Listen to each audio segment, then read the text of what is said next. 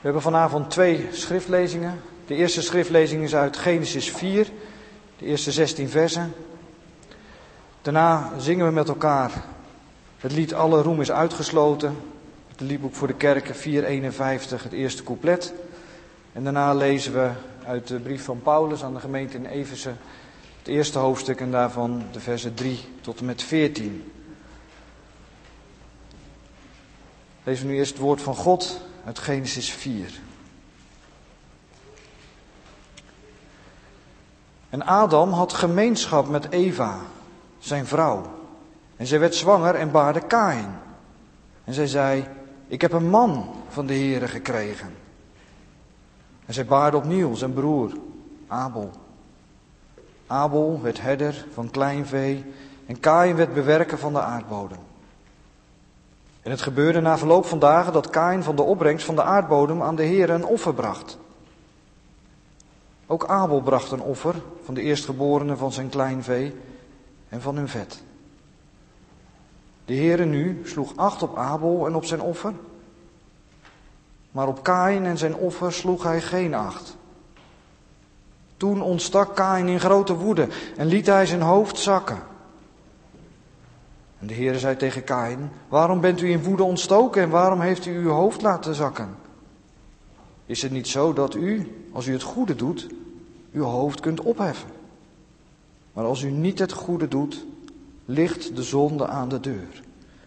Naar u gaat zijn begeerte uit, maar u moet over hem heersen.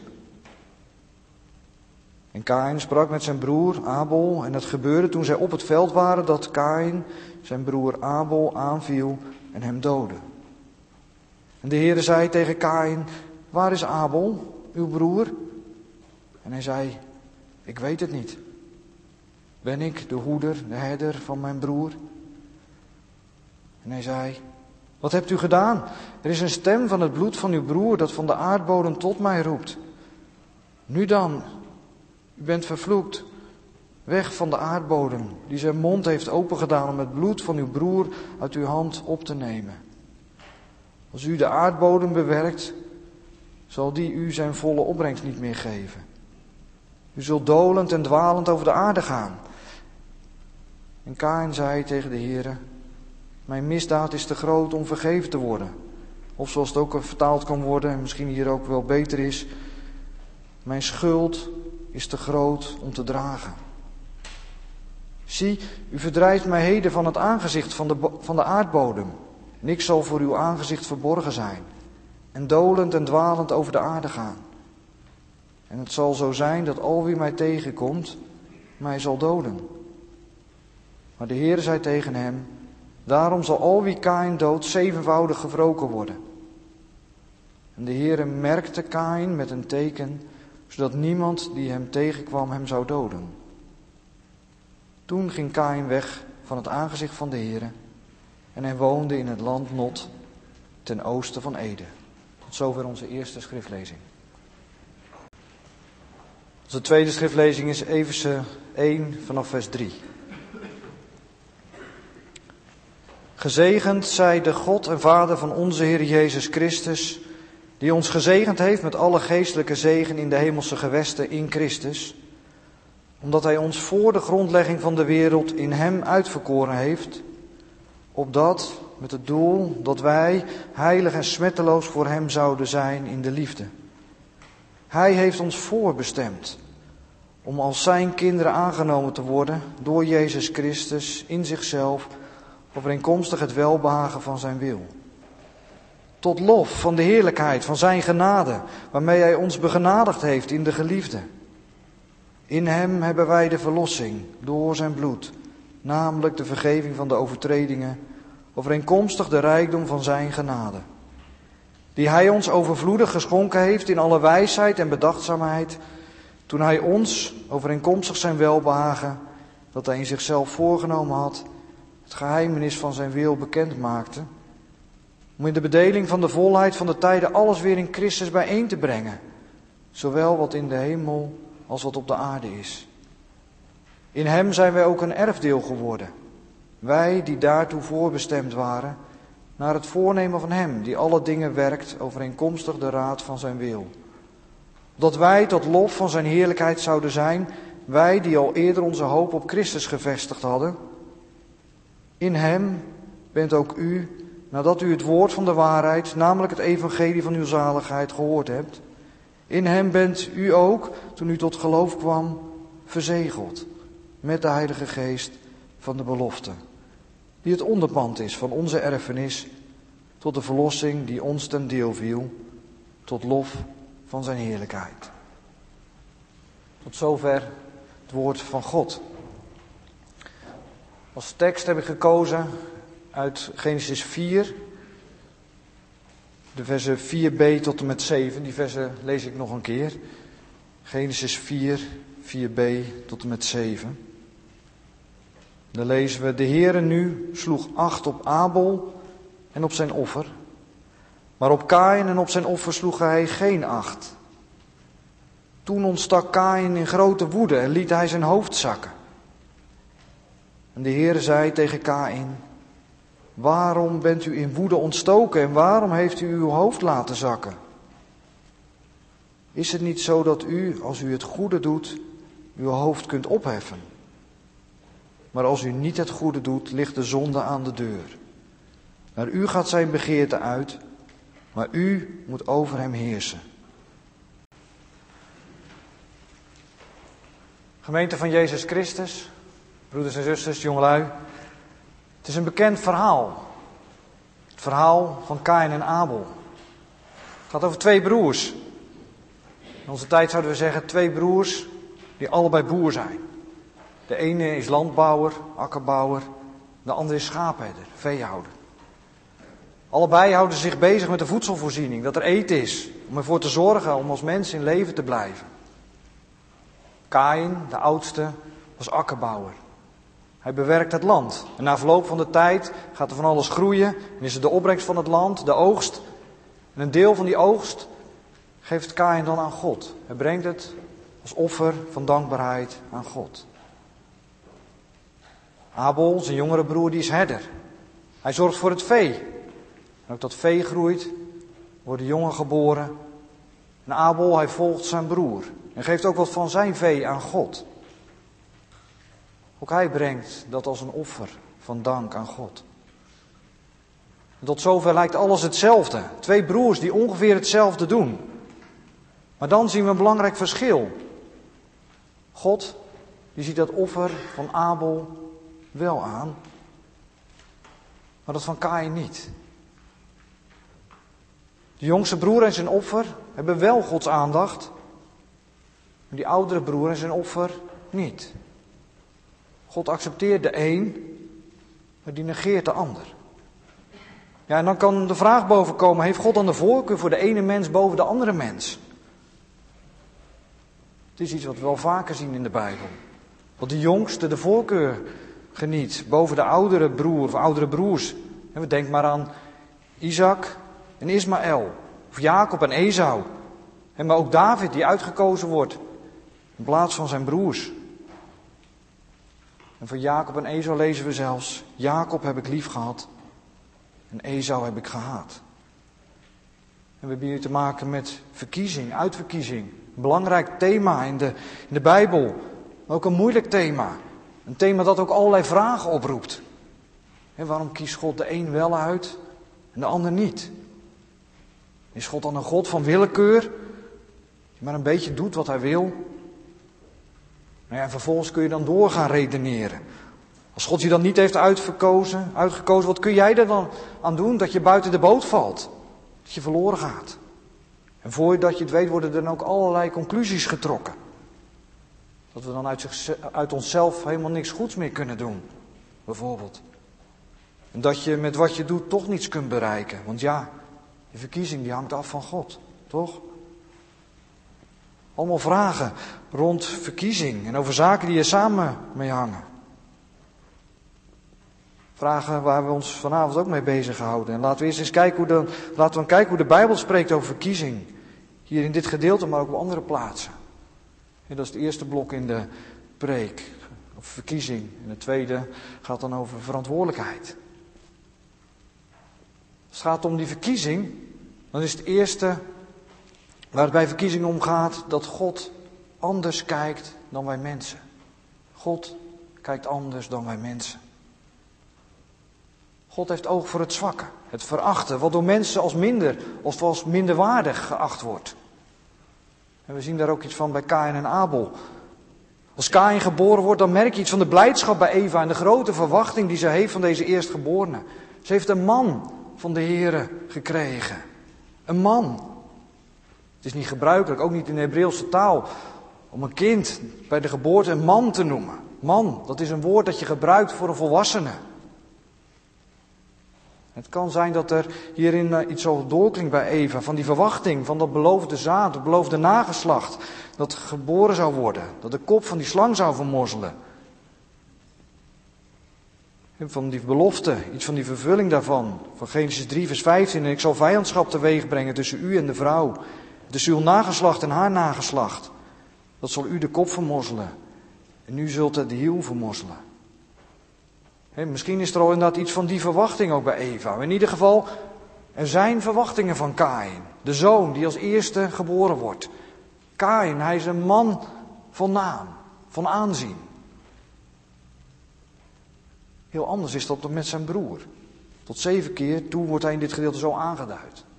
Als broer. Je weet wel, hij is de broer van. En zijn naam, Abel, betekent lucht. Ijdelheid, leegte, nietigheid. Net als het woord bij de prediker. Abel, hij is als lucht en leegte. Hij valt in het niet bij Kain. Ja, Kains, we kennen ze allemaal wel. In de klas, bij de sport, op het werk, in de maatschappij. Kinderen, mensen, waar iedereen naar kijkt, naar opkijkt. Iedereen ziet hen staan maar God, die kijkt anders. Hij ziet hem niet. En dat is het woord dat er in het Hebreeuws staat. Kijken naar, met aandacht kijken naar, omzien. God ziet Kain en zijn offer niet. Hij kijkt de andere kant uit. Naar Abel en naar zijn offer. Mensen zien zulke Abels niet, maar God wel. Hij kijkt anders. En ja, dat mag tot troost zijn als niemand je ziet en je geen aandacht krijgt. God ziet je wel. Hij heeft wel aandacht voor je. En hij accepteert je.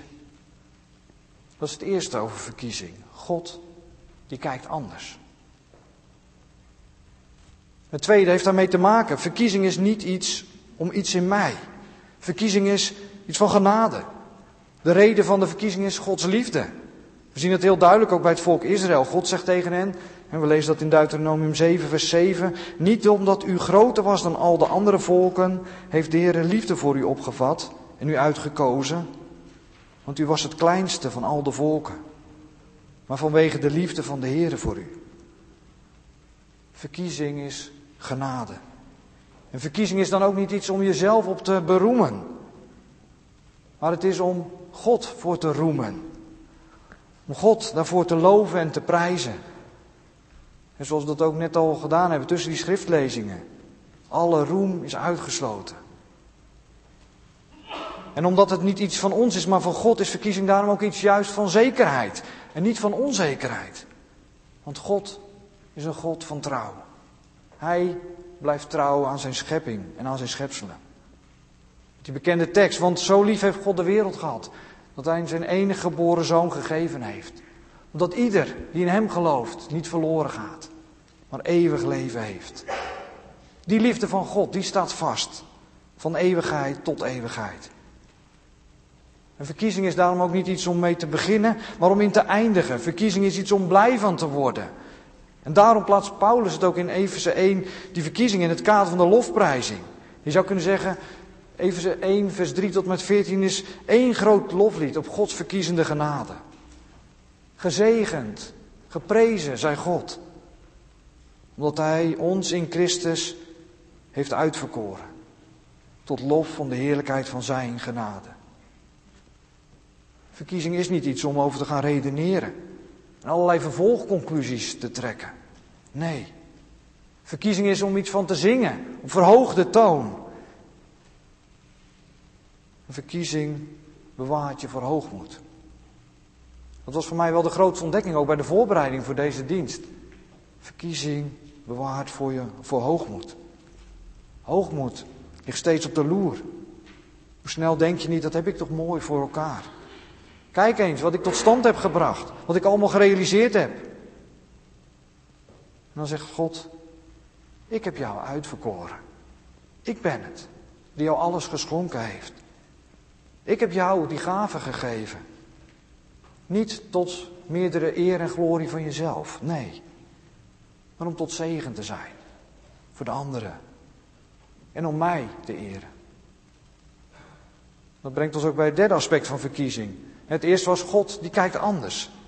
En het tweede, verkiezing is genade.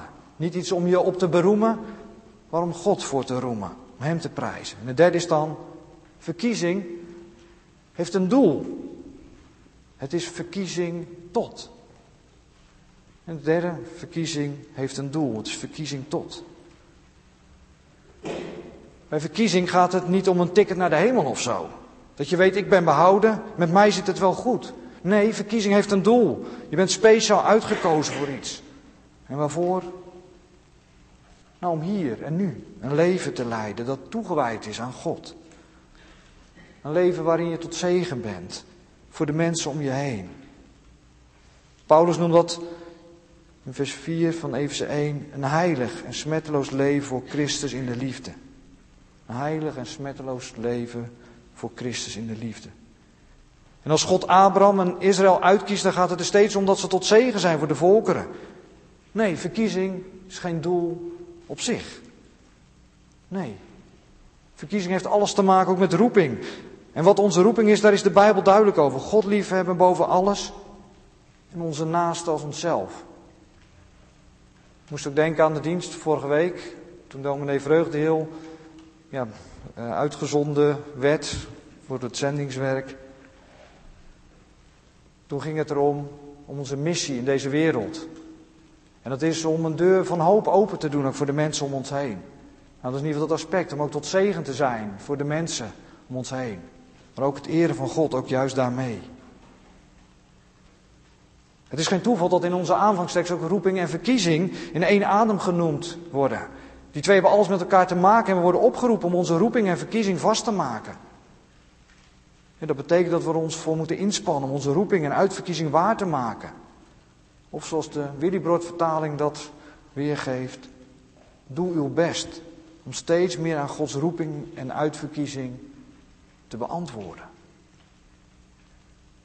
Ja, ik kan me voorstellen dat dat wel weer wat vragen oproept. Dat je denkt, maar kan ik dat dan wel? Ik kan dat toch helemaal niet waarmaken? We zijn toch allemaal zondaren? En zelfs onze beste werken, ja, die zijn toch onvolmaakt en met zonde bevlekt. Als je dat stelt, heb je goede papieren. En je hebt de Heidelbergse catechismus aan je kant. Maar toch vraag ik me af of onze gereformeerde traditie niet te veel nadruk is gaan leggen. Die verdorvenheid van de mens. Dat we totaal niets kunnen. Alsof we op geen enkele manier kunnen kiezen tussen goed en kwaad. Ik denk zelf dat daar iets van een overreactie in geweest is. Ook op de werk, werkheiligheid in de Roomse kerk van de middeleeuwen. op zich begrijpelijk als reactie. Dus op die werkheiligheid, om daar dan als het ware ook je eigen zaligheid mee te kunnen verdienen. En van de weeromstuit wordt dan gesteld dat de mens dan nergens meer toe in staat is. Maar is dat bijbels, zo kun je afvragen. En daar zullen we straks ook naar kijken, ook aan de hand van Genesis 4. Maar voordat we naar de Bijbel, naar Genesis 4 terugkeren, ter nuancering ook nog een ander geluid vanuit de beleidingsgeschriften. En dat ik het vierde punt over de verkiezing zou willen noemen. Verkiezing is geen noodlot. Verkiezing is geen noodlot dat ons overkomt en waar we als mens geen enkele rol in spelen. Nee, de Dordtse leerregels beleiden in hoofdstuk 3, artikel 16, dat we geen stokken of blokken zijn, die geen eigen wil hebben. Geen stokken of blokken. Wij zouden zeggen, we zijn geen robots, die helemaal voorgeprogrammeerd zijn. Een robot heeft geen eigen wil en kan niets anders doen dan wat hem geleerd is. Nee, zo zijn we niet. Ook als mensen hebben na de zonde van onze wil en onze menselijke eigenschappen behouden. Al zijn ze wel door en door aangetast door de zonde. Ondanks onze neiging tot het verkeerde kunnen we toch iedere keer weer kiezen tussen goed en kwaad. Zoals we dat ook zien in Genesis 4. Heb dat over verkiezing. Het eerste was God, die kijkt anders. De tweede verkiezing is genade. Het is niet iets om ons zelf op te beroemen, maar om God op te, om te roemen, Hem te prijzen. Derde, verkiezing heeft een doel. Het is verkiezing tot. En het vierde is, verkiezing is geen noodlot. We zijn geen stokken of blokken, geen robots. Dan over verantwoordelijkheid. Het eerste wat ik daarover wil, zou willen zeggen, ook naar aanleiding ook van Genesis 4, je kunt kiezen tussen het goede en het kwade. Je kunt kiezen tussen het goede en het kwade. Als Kain merkt dat, zijn offer, dat God zijn offer niet aanneemt en dat van Abel wel, dan maakt dat hem woedend. En je ziet het aan zijn gezicht. Hij laat zijn hoofd zakken. Hij krijgt een lang gezicht. En hij kijkt naar beneden. Nou, dat herkennen we denk ik wel. Je ziet het als iemand boos is. Of te neergedrukt. En ook bij Kain kun je dat zien. Dan is het zo, als je boos bent, dan heb je twee keuzes. Of je blijft boos, of je stopt met je boosheid. Dat zijn de twee keuzes die je hebt. Maar als je boos blijft en je blijft die boosheid voeden, dan kan het op een gegeven moment tot een uitbarsting komen, een ontploffing. En dat is wat er gebeurt bij Kain. Maar voordat het zover is, dan legt God hem die keuzemogelijkheid voor. En het is goed om daar de vinger bij te leggen. Dat dat eerst gebeurt. Voordat die bom barst en Kain zijn broer doodslaat, dan zoekt God Kain al op. Hoewel God zijn voorkeur voor Abel had laten blijken, is het niet zo dat hij Kain dan helemaal niet ziet. Nee, God die komt naar Kain toe. Met als doel om hem tot inkeer te brengen. En God houdt hem de keuze voor. Die roept hem erop, ertoe op om het goede te kiezen. Is het niet zo dat u, als u het goede doet, uw hoofd kunt opheffen? Hebreeuws staat het heel kort. Is er niet, als je goed doet, verheffing? Nou, dat kan inderdaad over je hoofd gaan. In plaats van je hoofd naar omlaag te laten hangen, kun je als je goed doet je hoofd omhoog doen. Opheffen. Blij zijn in plaats van boos. En dat zorgt dan vervolgens voor verheffing voor je algehele situatie. Dat je je leven op een hoger plan komt. Aangenaam voor God. Dat God dan ook met aandacht naar je kijkt. En ook naar je offer. Net als bij Abel. Kain, je zou kunnen zeggen, die wordt als het ware opgeroepen om naar Abel te kijken en te worden als hij en het goede te doen. Het is dan ook geen willekeur bij God dat hij Abel en zijn offer wel zag en Kain zijn offer niet. Er is meer verschil tussen Kain en Abel dan er op het eerste gezicht lijkt. Voor een deel leiden we dat af uit wat er in Genesis 4 staat, voor een deel ook wat er verder in de Bijbel over staat. Als we goed lezen, is er een eerste verschil tussen het offer dat Abel brengt en dat Kain brengt. En dan gaat het niet zozeer om het verschil of het ene nou bloedig is en het andere niet bloedig. En dat wordt soms wel gesteld. Maar goed, Esau die was landbouw, die geeft daar iets van. En Kain, Kain die was landbouwer, gaf daar wat van. Abel die was veehouder en die gaf daar wat van. Nee, maar het gaat er wel om wat zij van hun voorspoed aan God geven. Kain geeft gewoon iets van de oogst. Gewoon iets van wat het land had opgebracht. Maar bij Abel staat er wat meer bij. Die geeft, je zou kunnen zeggen, het beste van het beste. De beste delen van de eerstgeborene van het beste vee. En dus in ieder geval een verschil wat je hier uit de tekst zou kunnen halen. Maar verder gaat het niet alleen om het verschil in offer dat ze brengen. Er zijn ook verschillen tussen hoe ze verder zijn als persoon en wat hun daden zijn. Opvallend is dat in de versen 4 en 5 bij allebei gesproken wordt eerst over de persoon en dan over het offer.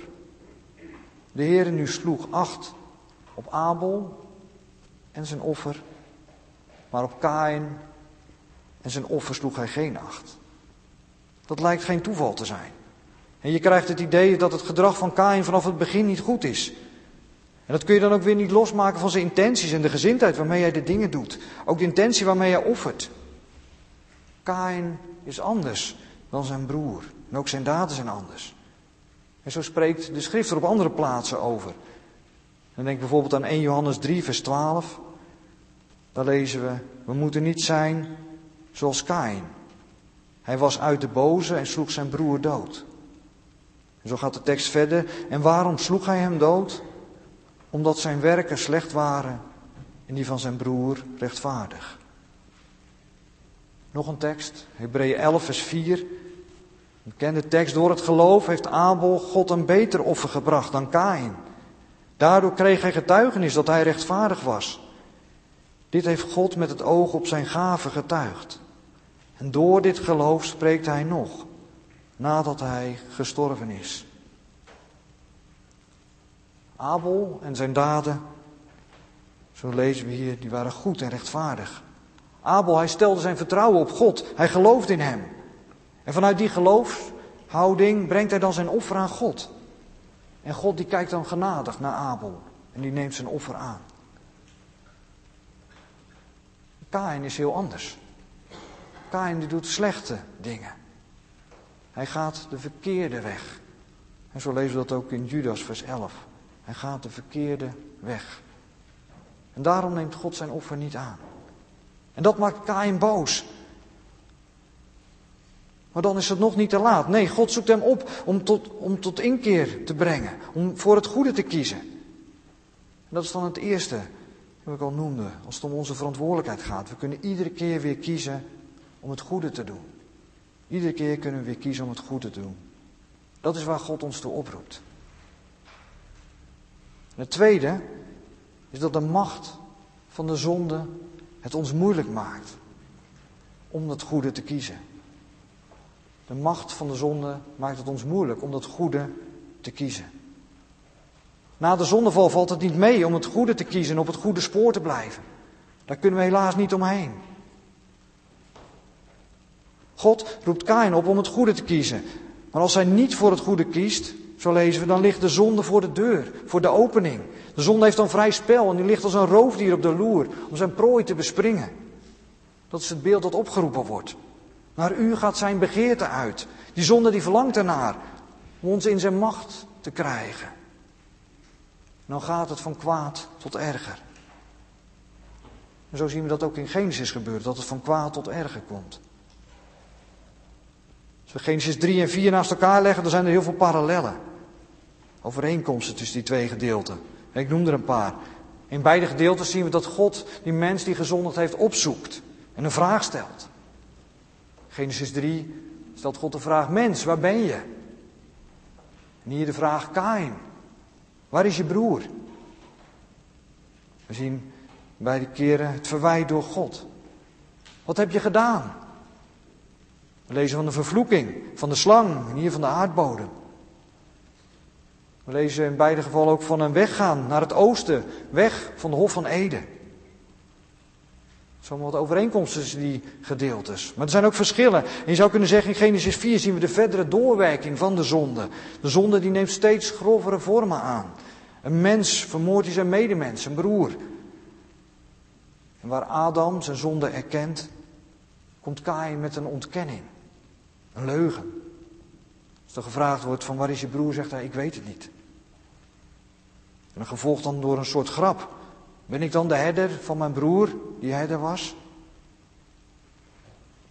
En zo gaat het met de zonde, van kwaad tot erger. Het is een macht die niet te ontkennen valt. Maar het is niet een macht waar je aan overgeleverd bent. Iedere keer weer heb je een keuzemoment, de mogelijkheid om te kiezen. Wordt het wel steeds moeilijker als je op het verkeerde spoor zit. Vaak begint het dan met kijken. En dat kan dan van alles zijn. Je ziet iets of iemand die aantrekkelijk eruit ziet. Je ziet allerlei beelden op je telefoon, op je computer of waar dan ook op. En je krijgt allerlei voorbeelden voorgeschoteld van macht, van invloed, van succes, financieel succes of wat dan ook. Noem maar op. Begin met kijken. Dan wordt er een bepaalde begeerte opgewekt, een verlangen of verkeerde gevoelens. Ja, en die verlangens die kun je dan gaan voeden. Of je kunt de andere kant op kijken. En je richt op het goede. Het is ook goed om bij onszelf na te gaan hoe dat zit. Welke verkeerde verlangens heb ik? En hoe ga ik er dan vervolgens mee om? Voed ik die verlangens dan? Of ga ik er tegenin? Eenmaal op het verkeerde spoor wordt het steeds moeilijker om terug te keren. Dan kan iets ook tot een verslaving worden. Dan kan het steeds moeilijker worden om ervan los te komen. Als het ging om onze verantwoordelijkheid, dan ging het er eerst over wat, dat we kunnen kiezen tussen het goede en het kwade. Maar het tweede is dat die macht van de zonde het moeilijk maakt om voor het goede te kiezen. En laten we dat die macht van de zonde niet onderschatten. Die macht maakt het moeilijk om steeds ook voor het goede te kiezen. Maar het derde is, we hebben de opdracht toch steeds voor het goede te kiezen. We mogen niet berusten in passiviteit, door alleen onze doodstaat benadrukken. Zonde is niet iets passiefs, nee, zonde is iets actiefs. Het is opstand tegen God, het is rebellie, vijandschap. En daarom als je een bepaalde zonde aan de hand houdt, stop ermee. Of als er een bepaalde verslaving is, breek ermee. En zoek hulp waar nodig. En ga niet door in het spoor van het kwaad en laat je niet beheersen door de zonde. Maar, zoals dat aan het einde van vers 7 staat, u moet heersen over hem. U moet over hem heersen. Je moet de baas zijn over je begeerte. En iedere keer weer kiezen voor het goede. Kain stelde die vraag: Ben ik de broeder, ben ik de hoeder van mijn broer? En ik zou zeggen, laten wij dat dan juist als opdracht zien. Om de hoeder te zijn van onze medemensen. Als het dan gaat om hoeden, dan wil dat zoiets zeggen als ja, beschermen. Het beschermen van de zwakken, van hen die door niemand gezien worden. En ook betekent hoeden het kwade weren, zorgen dat er recht gedaan wordt. Rechtvaardigheid nastreven. En hoeden, dat is ook in positieve zin tot bloei laten komen. Het welzijn van de anderen bevorderen, de ander vreugde geven. En laten we zo onze verantwoordelijkheid nemen om het goede te doen. Strijd tegen het kwade in je leven, in je persoonlijk leven, in de maatschappij. En kies voor het goede. En weersta de goede geest van God niet. Maar laat Hem je hart en je leven vervullen. Kies niet zoals Kain, maar doe als Abel. Dat over verantwoordelijkheid. Het Bijbelgedeelte eindigt negatief. Kain gaat weg van God en gaat wonen in het land Not. Dat betekent zoiets als dwaaland. Een land waar je niet tot rust kan komen.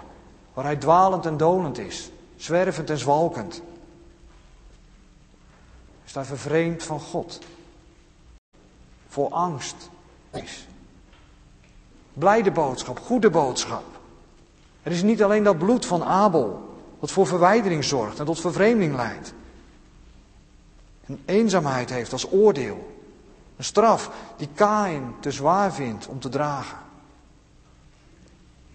Hebreeën 12, vers 24 spreekt over bloed dat van betere dingen spreekt dan het bloed van Abel. Het bloed van Jezus, de middelaar, de uitverkorene van God. En de straf voor alles wat wij misdeden, die was voor Jezus niet te zwaar om te dragen. Als lam van God droeg hij de zonde van de wereld. Het oordeel is er niet gedaan. En zijn bloed roept voor altijd barmhartigheid. Barmhartigheid.